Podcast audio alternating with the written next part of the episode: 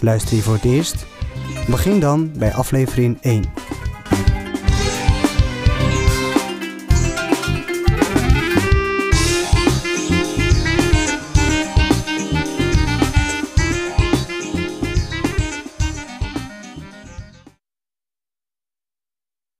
Niet zo vroeg in de ochtend.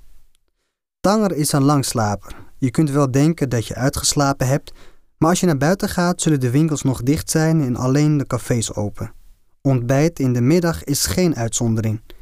In cafés in de hele stad zitten mensen in stille duo's de krant te lezen of gedempte gesprekken te voeren bij een kopje koffie of een zoete muntthee.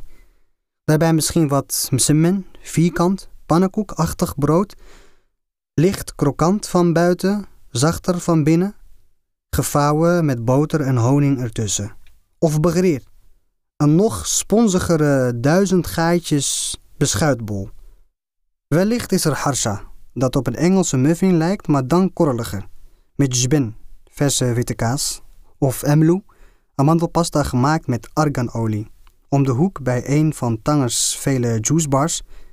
Geen hippe toevoeging aan het stadslandschap, maar een oude lofzang aan de rijkdom en variëteit van verse producten die niet ver buiten de stad te krijgen zijn.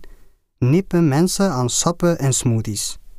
Peer, granaatappel, cactusvijg, sinaasappels zoals je ze niet eerder hebt geproefd, perzik, wat er maar is, afhankelijk van het seizoen. Zonder twijfel zullen er ook mensen zijn die een bocadillo eten, de krokante baguette uit Spanje en de ideale snack voor elk moment van de dag, van een laat ontbijt tot s'nachts na een feest.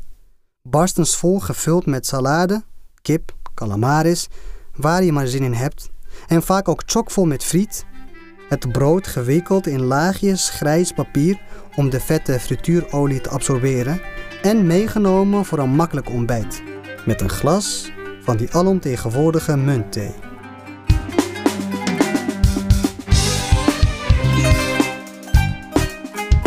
Je luisterde naar Facets of Tangier, een podcast van het Amsterdams Andalusisch Orkest.